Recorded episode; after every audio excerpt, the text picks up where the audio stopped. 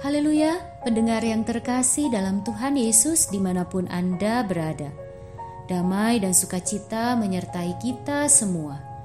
Renungan sau bagi jiwa yang disajikan Gereja Yesus Sejati berjudul Musuh Alam.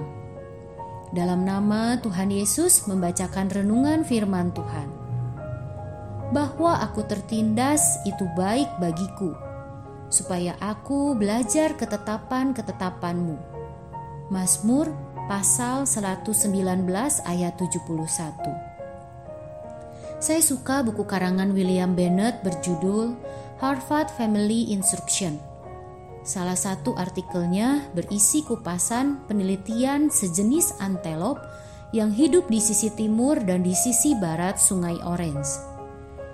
Si peneliti menemukan suatu keanehan Antelop-antelop itu semuanya berasal dari spesies yang sama, hidup di lingkungan yang sama, makan tanaman yang sama.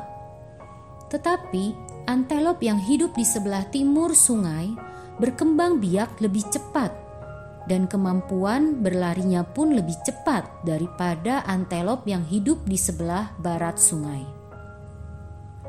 Suatu tahun, atas izin penguasa, dia menangkap masing-masing 10 ekor antelop yang hidup di sebelah timur dan yang di sebelah barat. Lalu dilepas di berseberangan sungai.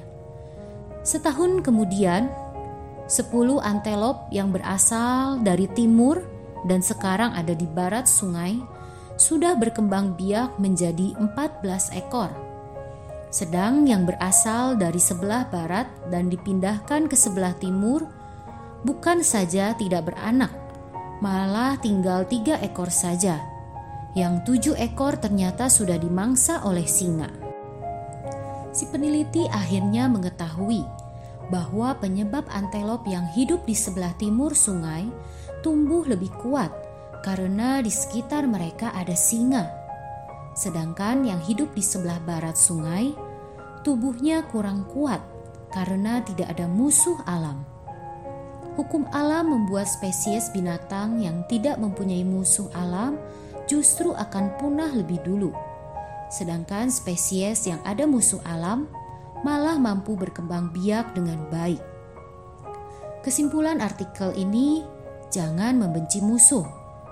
Yang dapat memacu seseorang bertahan sampai pada akhir sehingga berhasil bukanlah sekuntum bunga atau tepuk tangan puji-pujian bukan kekasih atau kawan, melainkan kegagalan atau pukulan yang bisa mematikan dan musuh yang berusaha kuat mengalahkan Anda.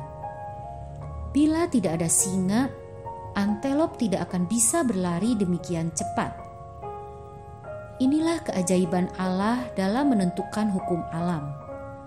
Allah menciptakan musuh alam bagi spesies binatang agar ia belajar bertahan hidup.